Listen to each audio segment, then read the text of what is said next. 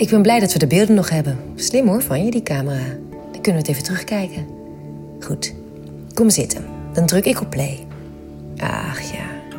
Ja, dit herinner ik me nog goed. Ja, toen dacht ik echt... eh, die heeft het begrepen. Je kleedde je meteen uit, voor mij. Terwijl je mij naar je liet kijken vanuit het bed. Je deed het langzaam, ja. Je nam echt je tijd. Je schoof het dekbed opzij, bij mijn voeten... en je verdween eronder. Ja, het is jammer dat we dat niet op beeld hebben, hoe jij dat deed. Maar, goed, mijn reactie hier zegt genoeg, geloof ik. ja, mag ik dit doorspoelen? Nee? Oké, nou, dan kijken we.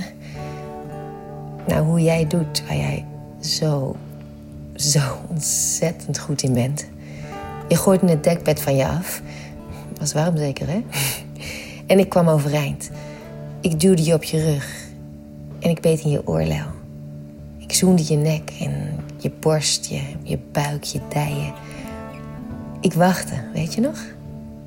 Ah, je weet het nog. Ik wachtte even voordat ik mijn tong over je heen liet gaan. Met trage bewegingen. Je trok me omhoog terwijl je iets zei. Dat verstond ik niet trouwens. Wat zei je daar? Oh, dat. Oké, grappig. Niet begrepen. Nou, hoe dan ook. Je trok me dus omhoog en dicht tegen je aan. Ben zo... zei je, weet je nog? Mm, Ik weet nog dat ik dacht... Ja, eh, de... Dat voel ik ook wel. Want dat voelde ik zeker. Je was zo hard. En je paste zo perfect in mij. Wil je het nog een keer zien? Wel trusten. Kus van Birgit Schuurman.